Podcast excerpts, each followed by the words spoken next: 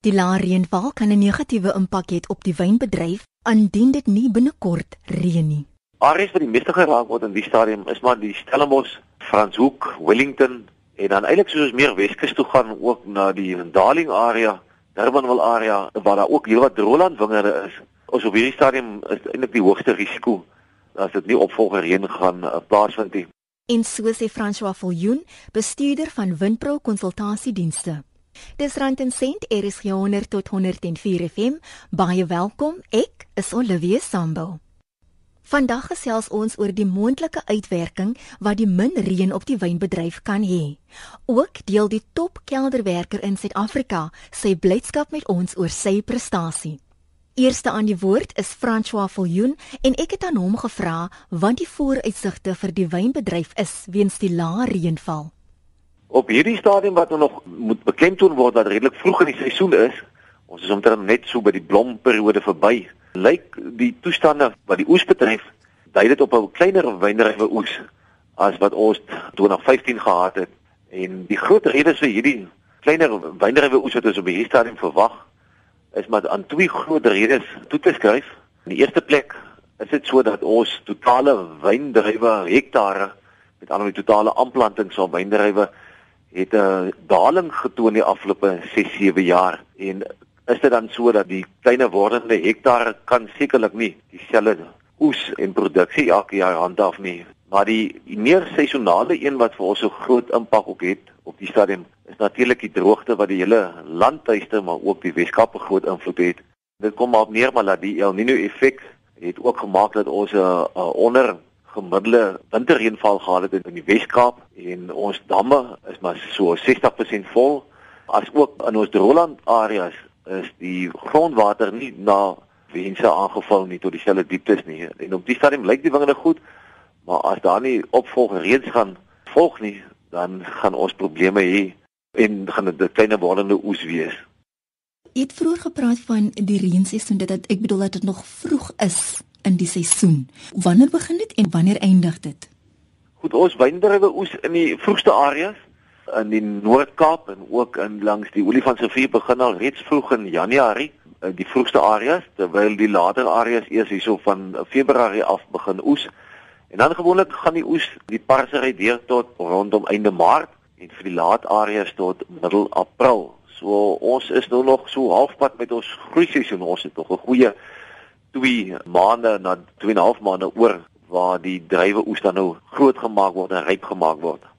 Wat die reën aanbetref, watter gebiede is dit wat die meeste geraak is tot dusver as gevolg van die swak reëns? Ons kan nogals redelik die wynbedryf verdeel of die wynstreke althans verdeel in twee hoofstreke wat dan nou meer geraak word of minder geraak word. Die Breërivier Vallei, Woester, Bredekloof, Robertson, asook die Klein Karoo het eintlik redelik goeie reën gehad deur die winter met die suidoosfronte, maar die areas wat die meeste geraak word in die stadium is maar die Stellenbosch, Franshoek, Wellington en dan eintlik soos ons meer Weskus toe gaan ook na die Darling area, Durbanville area is waar daar ook heelwat droëland wingerde is. Ons op hierdie stadium is eintlik die hoogste risiko as dit nie opvolger reën gaan uh, plaasvind nie. Mens moet seker ook op die stadium sê dat die Breërivier Vallei en die areas beter af is, maar mens moet ook onthou dat hulle ook afhanklik is van opgaarwater uit groot besproeiingsdamme en hierdie besproeiingsdamme het ons ook nie ten volle aangevul nie. So alhoewel dit nou nog goed lyk, is daar definitief nie genoeg water om hierdie seisoen deur te sien nie. So eintlik dink ek gaan die hele wynbedryf en al die wynstreke geraak word as dit nie binne die volgende maand aanvullende reëns val nie. Volgens François het grondwatervlakke weens die lae reënval gedaal. Die hittegolf wat in Oktober voorgekom het, het ook daartoe gelei dat die waterverbruik van die wingerde drasties toegeneem het. Dit het verdere druk op die beskikbare grondwater en waterbronne geplaas. Hy verduidelik wat moontlik kan gebeur as dit nie binnekort reën nie. Op die stadium is eintlik nog maar net as die reën op die regte tyd nou kom nie, uh, beteken dit dat die wingerde gaan in in 'n vogstemming situasie in wat maar beteken dat daar nie genoeg watervoorsiening aan die stokke is nie en wat gebeur is maar dat die korrels baie kleiner bly. Ons gaan sukkel om goeie rypwording te kry wat dan ook 'n invloed op die produksie hoeveelheid kan hê die tonne maar ook op die kwaliteit kan hê. Ja die tydigheid is baie belangrik en soos ek sê, dit is nogals belangrik dat dit die volgende maand redelik goed moet reën dat ons grondwater aangevul kan word, maar ook ons damme ook 'n ekstra bietjie water aangevul kan word om te hou tot op die einde van Maart en tot middel April. Dit was François Viljoen van Windpro. Jy luister na Rand en Sent op RSG 100 tot 104 FM. Baie welkom as jy sopas ingeskakel het. Jy kan 'n SMS stuur na 34024 met jou kommentaar of enige vrae. Elke SMS kos R1. Jy kan ook die program aflaai by rsg.co.za. Onthou ook dat RSG nou beskikbaar is op die DStv kanaal 913. Die wynbedryf is een van die grootste werkverskaffers in die landboubedryf en vele van die werkers is ongeskoold. Hoewel daar programme en ander geleenthede aangebied word om werkers op te lei, is daar steeds gebreke op die vlak. Daniel Malherbe, direkteur by Lumico in Kaapstad, sê een van die grootste tekortkominge in die landbousektor is die gebrek aan voldoende opleiding op skoolvlak. Hy is ook van mening dat die media meer kan doen om die struikelblokke te identifiseer en aan die lig te bring. As jy kyk na een van die grootste brandpunte in Suid-Afrika, is dit die tekort aan goeie opvoedkunde. Baie van die kinders wat skole toe gaan, ons weet uh, daar's al die gevalle in Limpopo wat daar nie eers handboeke afgelewer word nie. Maar in die Noord-Kaap kry jy selfs 'n probleem in die landbou waar by die landbou skole die kinders nie die handboeke kan kry wat hulle nodig het om te praat oor hulle streek nie. So die Afrikaanse veral handboeke word nie meer uitgegee nie en die kinders sit daar sonder die regte handboek vir hulle area. So hulle moet leer van wat in die Oos-Kaap geskryf word en hulle kurrikulum volg dan nie volgens wat eintlik beplan is deur die staat nie.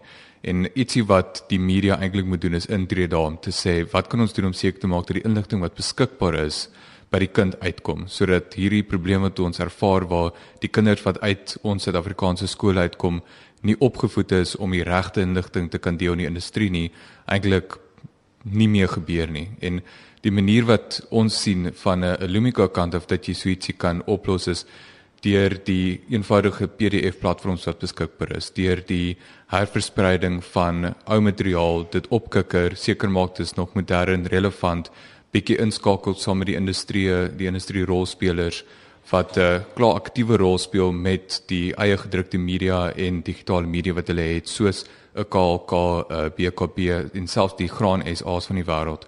En vir hulle sê kom ons maak seker ons kry 'n paar handboeke by die ouens wat in PDF formaat gestuur word sodat die kind op die skool se rekenaar kan gaan en daarsoop kan uitvind van wat hy moet weet. En uh, dis ietsie wat ek voel ernstig geadresseer moet word deur die media want hulle het 'n groot verantwoordelikheid om daai inligting ook by die kinders uit te kry, nie net die sensasionalisering van nuus en van inligting nie. Dis die siening van Daniel Malherbe van Lumico in Kaapstad. Die programme en opleiding wat aangebied word in die landbousektor het ten doel dat suksesvolle kandidaate hulle eie boerderye moet bedryf. Maar om jou eie besigheid te bedryf gaan gepaard met vele slaggate as jy nie ingelig is nie. Nicoline Skumanlo van Skumanlo ingelyf sê een van die grootste foute wat jy kan maak is om die regsaspekte rondom jou besigheid te ignoreer. So in my opinie is die eerste stap nadat mens daardie konsep, die besigheidsplan daar gestel het, as daar finansiering dalk benodig word om die bal aan die rol te kry soos hulle sê, en dan natuurlik om te kyk na die regsaspekte. Nou een van die eerste oorwegings is natuurlik, moet ek my besigheid registreer of gaan ek sommer as 'n een eenman saak my besigheid bedryf? En vir baie besighede is dit 'n koste-oorweging of dalk miskonsepsies wat daar bestaan, belastinggevolge wat dalk nie noodwendig reg verstaan word nie en vele ander redes. Ek stel altyd sterk voor en en het ook artikel daaroor geskryf in die afgelope paar weke op ons webwerf. En dit weeg op al die risiko's wat mens loop as jy as 'n een eenman saak jou besigheid bedryf.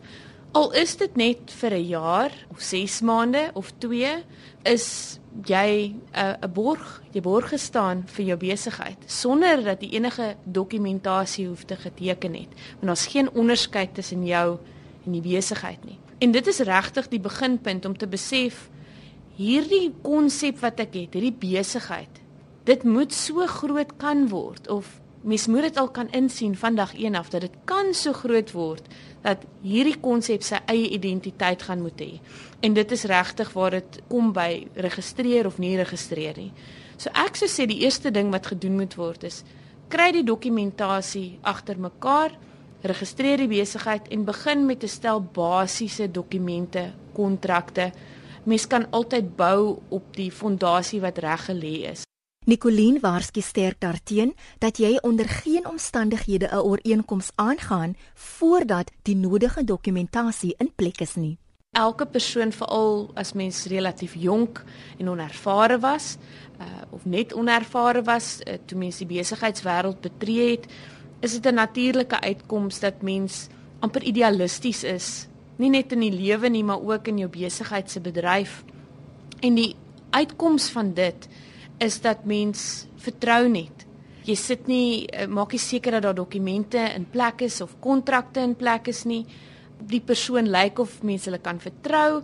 Hulle is tog ek soveel uit jare reeds in besigheid en daarom wil ek nie nou dinge dalk versuur of kompliseer deur om nou 'n uh, te sê ek wil 'n kontrak in plek stel nie. En dit is maar 'n moeilike sprong om te maak om dinge te formaliseer en stelsels in plek te kry sodat dinge op 'n baie sistematiese en gestruktureerde manier bedryf word. En die kleinste eerste stapie daarvan is om te sê kry 'n kontrak wat jou kliënte sal onderteken wat die terme van jou diens of jou produk wat jy lewer wat is die betalingsterme wat is die waarborge en ons sien wetgewing soos die verbruikerswet wat dit baie duidelik maak dat as besighede moet ons met ons kliënte oop kaarte speel ons moet gesonde besigheidspraktyke in plek hê en ons moet aan hulle rapporteer op 'n sistematiese en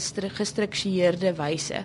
So daar is wetgewing wat al klaar probeer om ons wat dalk so bietjie naïef is om ons te druk om te sê ons moet hierdie dinge in plek kry. Dit dan Nicoline Skumanlo van Skumanlo ingeluif in Kaapstad. Ek is Rian Bretti Phillips van Robertson. Ek werk vir Windfall Wine Farm in Robertson, dis in die Retreatwijk.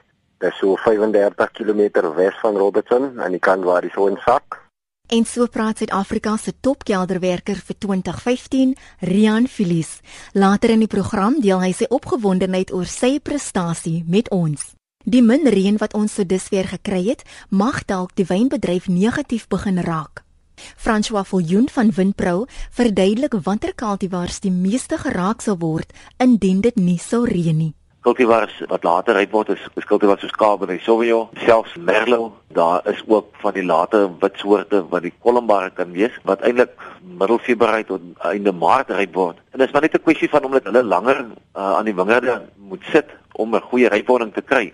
En dat as dit die aanvallende reën gaan kom, sal hulle natuurlik die meeste geraak word en die grootste vogstremming en moontlike verliese by hulle kan wees. Op 'n ligter noot het ek aan François gevra wat sy gunsteling wynsoort is en hoe wyn behoorlik gedrink moet word. Ek het uh, dink ek 'n bietjie Franse bloede gene in my. So enigiets van witwyne tot rooiwyne tot fantastiese muscadelwyne is almal gunstelinge. Ek kan nie voorkeur uh, gee aan 'n spesiale wyn nie. Uh, almal is my op sy tyd met die regte kos, saam met die regte geleenthede mense is daar altyd lekker wyn beskikbaar. Ek is miskien nou heeltemal 'n leek of nie so purist nie. Deesdae is dit mos so dat sommeliers sal vir jou sê dat die kenners dat daar 'n sekere wyne wat net beter saam met sekere kossoorte gaan. Dit bring die geur uit en altwee en komplementeer mekaar. Maar ek is seker maar nog van die ou soort wat sê solank die wyn vir jou lekker is, maak dit eintlik saak wat jy drink, wanneer jy drink, solank jy dit net verskriklik baie geniet en natuurlik met oordeel geniet. 'n Tendens en 'n nuwigheid eintlik waar die kos en die wyn oppaar met mekaar is. En dit is wonderlik wat mense ontdek deur wat hulle doen om sekere wyne met sekere kossoorte. So dit is 'n nuwe ervaring vir my. Maar ek is so bang dat ons weer in snobisme en in soveel reëls gaan verval dat verby gaan dit nog altyd as jy is van 'n sekere wyn hou dan geniet jy hom maak nie saak wat jy daarby eet nie. François Viljoen van Windpro Meer as 300 kelderwerkers van regoor die Wes-Kaap het vanjaar aan die Suid-Afrikaanse Kelderwerkerprogram deelgeneem. Die program het gestrek vanaf April tot September en die wenner het met prysgeld van R10000 weggeloop.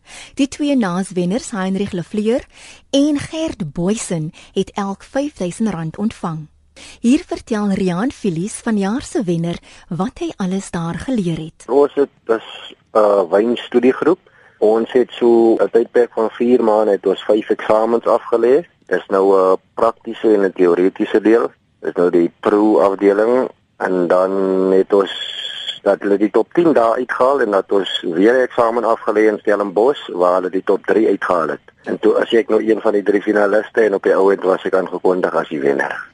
Is daar op enige spesifieke wyne waarop jy gefokus het? Nee nee, regtig spesifieke kultivars nie. Dit het maar gehandel oor twee wyne. Gewoonlik was dit 'n foutwyn geweest en 'n gegeurde wyn. So, wat het jy prakties behels? Dit was maar die identifisering van foute en identifisering van geure en reuke in die wyn. Hoe het dit vir jou gevoel want dit moet 'n baie baie interessante program gewees het. So, hoe was die ervaring vir jou geweest?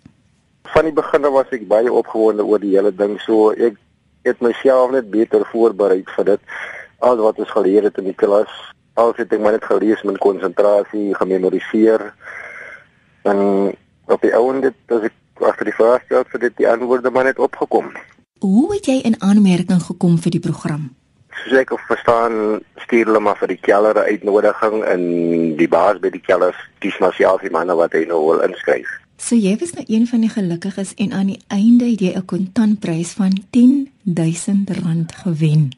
Ja, mevrou, en dit het net op die regte tyd gekom. Kan jy vir ons sê wat jy gedoen het met die R10000 of mag ek jy vra nie? Nee, mevrou, mag weet. Eindelik het ek vat nog nie gebruik aan die R10000 nie. Ek wil hom graag bietjie belê, laat hy bietjie kan groei. En daar nou sal ek dit verder vat weer om te betaal vir my troue eendag wanneer ek my gesin lekker wil vestig. So Rian, wat is jou toekomsplanne want ek is seker hierdie kursus het in 'n mate 'n verandering in jou lewe gebring. Definitief ja, mevrou. Ja, soos ek voel voel ek net ek wil meer as anders beweeg. Ek wil maar net bietjie dieper in die wynbedryf gaan soos in om by definitief groter beter kelders te gaan werk en waar hulle eintlik wat pryswyn kan ek maar nou sê maak reg vir die die borrelmarkwyne nou dis waar ek nog graag wil wees mevrou. En dit was Triaan Filies, Suid-Afrika se top wynkelderwerker wat met my gesels het. Jy luister na Rand en Sent RSG 100 tot 104 FM. Die wynkelderprogram bemagtig die werkers op verskeie maniere en skep geleenthede wat hulle lewens positief verander. Christo Konradi, bestuurder van die wyndivisie by Winpro, is opgewonde oor die program en sê dit gee soveel selfvertroue aan die werkers en hy sien behoorlik hoe hulle ontluik. Een van die groot woorde wat ons oor die hele program skrywe is dat ons wil rolmodelle hê, nie net waar hulle op 'n eienaar se stoel of in 'n hoofbestuurder stoel sit. Jy soek ook rolmodelle in die keller. En dis ongelooflik, sien dit 2009 hoe van die wenners en of deelnemers aan hierdie kom ek sê program en kompetisie werklik geblom het en en na vorentoe gekom het. En hoeveel van hulle is vandag assistent wynmakers? Hulle het meer senior poste wat hulle in die keller inneem. En ons het verder gegaan en iets wat jy dalk nie weet nie Olivia. Elke jaar kry ons al die wenners van die vorige jare bymekaar. En uh, ons het nou die baie mooi Engelse woord van 'n circle of excellence. Wat as hulle dan so 'n dag bymekaar kry en ons vat hulle na een spesifieke keller toe. Vir jare het ons hulle Elsenburg toe geneem en ons het vir hulle die hele brandewynproses gaan wys en die verskillende pro laat deelneem. So hulle kry die geleentheid om voort te gaan. Ons verloor hulle nie langs die pad nie. Ons ons neem hulle saam met ons. En ek dink dis die mooiheid as ons praat van ontwikkeling en en hoe jy mense wil toerus om die dag van môre op 'n beter en 'n meer toegeruste manier vorentoe te neem. Die program het 5 jaar gelede ontstaan. Enige iemand in die hele wynbedryf wat in 'n kelder werk of hy nou by een van hierdie groot bekende produsente kelders werk en of hy op 'n privaat of 'n landgoedkelder is, hy kan deelneem. Hy hoef noodwendig geleerd te wees. Ons het 'n groot komponent uh, semi-geletterde persone ook op die kursus. So enige persoon wat sy hand opsteek en sê, "Weet jy waar ek vandag is? Wil ek miskien oor 10 jaar nie meer wees nie. Ek wil op 'n beter plek wees. Ek wil myself beter toerus en ek is bereid om te kom leer teorie sowel as die praktiese kant van die wyn." Hy kan net vir sy bestuurder sê, "Hoor jy, ek wil graag deelneem." Of die bestuurder kan sê, "Wie wil deelneem? Jy hoef niks te kwalifiseer nie. Jy moet net gewillig wees om te leer en deel te neem." So vir jare het ons dan 300 persone gehad van die Klein Karoo tot in Appington oor al nege wynstreke wat deelgeneem het aan die kompetisie. Die program het gefokus op teoretiese sowel as praktiese opleiding. Tipies sou jy in 'n streek gaan sit, kom ons neem 'n streek soos Robertson byvoorbeeld en ons het sê 20 kelle werkers en vir jaar die teorie het behels. Ons het gaan kyk hoe lyk die ander wêreld wynlande. Baie keer hoor hulle van Frankryk of hulle hoor van Spanje. Waar lê dit? Hoe's die klimaat? Hoe vergelyk dit sê maar met die klimaat in Stellenbosch of met die klimaat in Woester of in Appington? Wat 'n tipe kultivars maak hulle daar? Waarvoor is hulle bekend? So vir jare het ons dan gefokus op die wêreldlande. Ons het ook gekyk na jy weet so 'n paar jaar gelede het ons in Suid-Afrika dan nou met die Franse arm gedruk en hulle het gesê jong, julle mag nou nie die woord champagne meer gebruik nie. En ons het oorgegaan om ons praat om baie keer van vonkelwyn. So vir jaar was daar 'n komponent oor wat is vonkelwyn? Wat is MCC? Wat behels dit? Wat doen die verskillende kelles om daaraan te voldoen? En dan het ons ook 'n komponent gehad wat gekyk het na brandewyn. Brandewyn word baie keer net gesien as iets wat jy moontlik saam met 'n soeterige drankie drink, maar dit is 'n geweldige ingewikkelde proses om daar te kom. En die kellerwerkers vorm almal deel daarvan. En dan Olivia die laaste komponent was geweet om wyn te maak is 'n lewendige proses. Daar's chemikalieë daarin. Wat is al die wettige dinge wat jy daar mag insit en wat is die wettige prosesse? So hierdie was dan nou in in die verskillende streke aangebied op 'n praktiese manier en die werkers het ook die geleentheid gekry om wyne te proe en te verstaan wat is smaakverskille en wat is die impak as jy sekere proses volg en of jy sekere chemikalieë ingooi. Eenvoudig maar ook prakties dat hulle kan verstaan die belangrike rol wat hulle vervul in 'n keller op 'n daaglikse basis. Christo verduidelik hoe die wenner uiteindelik aangewys is. Na afloop van elke streek se byeenkoms het hulle dan 'n proe gedoen en hulle het ook 'n teoretiese komponent. Dit is gewoon is 'n 10, 15 vragies wat hulle moet antwoord. So daai een of twee wat die beste gedoen het, is dan deurgekom in die laaste ronde was daar so 11 gewees En daai aflede toe aan 'n paneel het hulle deelgeneem met vrae wat ons vir hulle gevra het uit die kursus uit soos ek nou gesê het, het sy vonkelwyn of die wynlande. Hulle het ook geproe en uh, toe het ons die drie topkandidate gekry en en wat lekker gewees het, het ons het dan nou 30 Oktober wat nou verby is, het ons dan nou by Kleinplaas jou Woester het ons dan die wenner aangekondig en dit was fantasties geweest. Netbank is ons groot borg vir die tweede jaar wat na vore gekom het en die wenner stap weg met 'n 10000 rand uh, kontant in sy sak en dan is daar ook 'n wisseltrofee wat Netbank elke jaar vir ons gee van verlede jaar af. Daar was omtrent 180 van die deelnemers vir jaar wat hierdie dag kom bywoon het en hulle is nie 'n finale wenner nie. Jy was deel van die proses en om deel te neem is jy eintlik ook 'n wenner. En so gesels Christo Konradi van Winpro. Dis die einde van die program. Ek groet tot volgende Sondagmiddag om 5uur. Totsiens van my, Olivia Sambu, hier op Brand & Cent, RSG 100 tot 104 FM.